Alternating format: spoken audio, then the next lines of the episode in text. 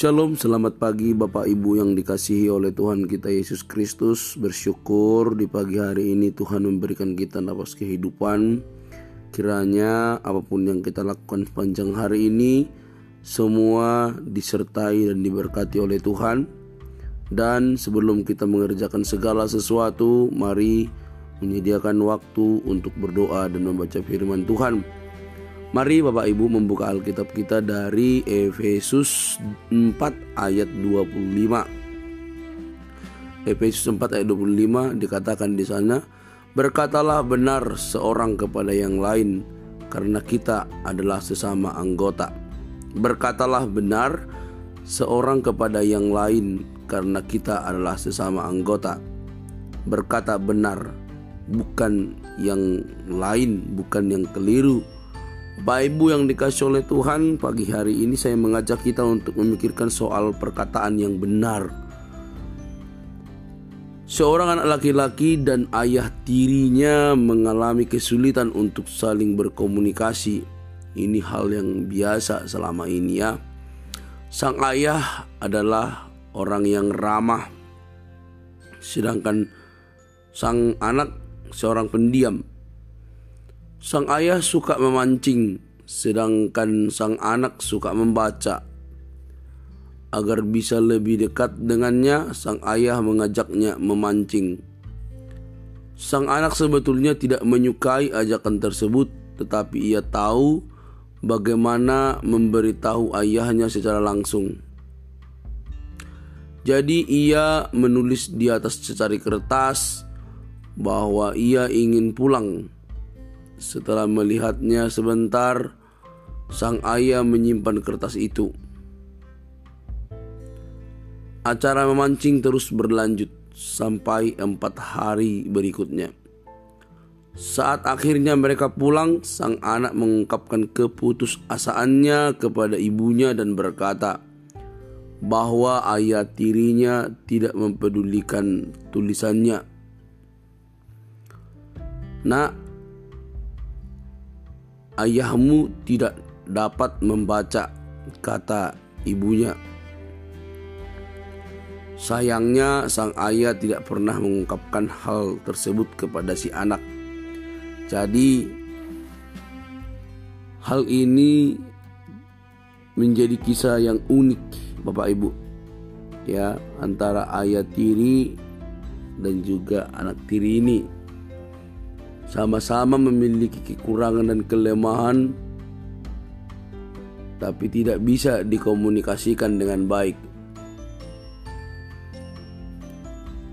Namun, sang ibu berkata kepada anaknya, "Nak, ayahmu tidak dapat membaca." Sayangnya, sang ayah tidak pernah mengungkapkan hal tersebut kepada si anak. Bapak Ibu yang dikasih oleh Tuhan,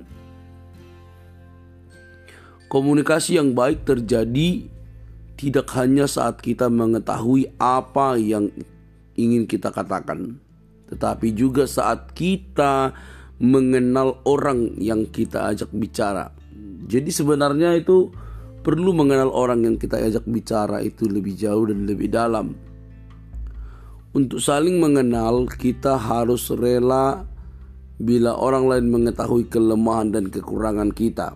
Nah, di zaman sekarang ini ya susah, agak sulit.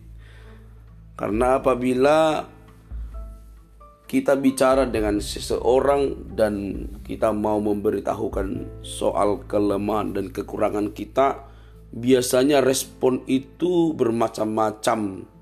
Ada yang dewasa menanggapinya dan ada juga yang uh, anak-anak sehingga kelemahan yang akan kita bicarakan kepada orang-orang atau kepada mungkin rekan itu bisa bocor ke mana-mana.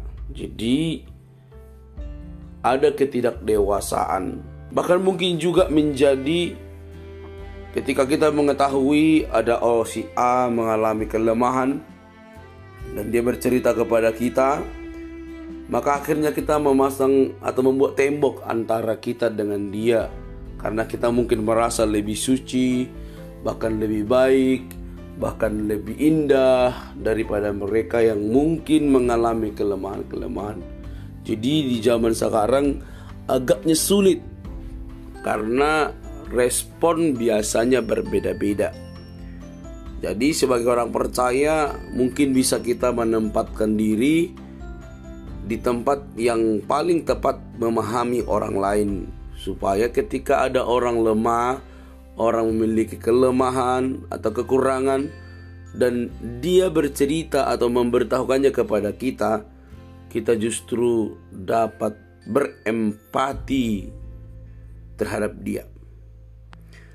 Bapak Ibu yang dikasih oleh Tuhan, Paulus dalam teks yang barusan kita baca itu mendorong kita sebagai orang percaya untuk berkata benar kepada orang lain berkata benar seorang kepada yang lain. Paulus juga menasihati kita untuk ramah seorang terhadap yang lain, penuh kasih mesra dan saling mengampuni ayat 32. Seperti itulah kasih Kristus yang memberikan rasa aman sehingga komunikasi yang baik dapat bertumbuh. Jadi ketika dunia ini tidak saling percaya, maka firman Tuhan mengingatkan orang-orang percaya untuk saling menasihati, saling berkata benar seorang kepada yang lain, penuh kasih mesra dan saling mengampuni. Dan itu harus terjadi di komunitas orang percaya supaya timbul rasa aman dan diberkati satu dengan yang lain. Bapak Ibu yang dikasih oleh Tuhan, bukalah telinga untuk memahami orang lain. Setelah itu, berbicaralah dengan kasih. Berbicaralah dengan kasih, bukan asal-asalan, bukan dibuat-buat, bukan membuat orang terjatuh, bukan membuat orang akhirnya menjauh daripada persekutuan berbicaralah dengan kasih, berbicaralah dengan bijaksana sebagai orang-orang percaya. Kolose 4 ayat 6 Hendaklah kata-katamu senantiasa penuh kasih, jangan hambar, sehingga kamu tahu bagaimana kamu harus memberi jawab kepada setiap orang. Harus berkata-kata yang benar, penuh kasih, jangan hambar Biarlah perkataan kita menguatkan yang lemah, menyembuhkan yang terluka, dan memberi pengharapan bagi yang putus asa. Biarlah perkataan kita menguatkan yang lemah, menyembuhkan yang terluka, dan memberi pengharapan bagi yang putus asa. Semoga kita diberkati, Tuhan Yesus memberkati.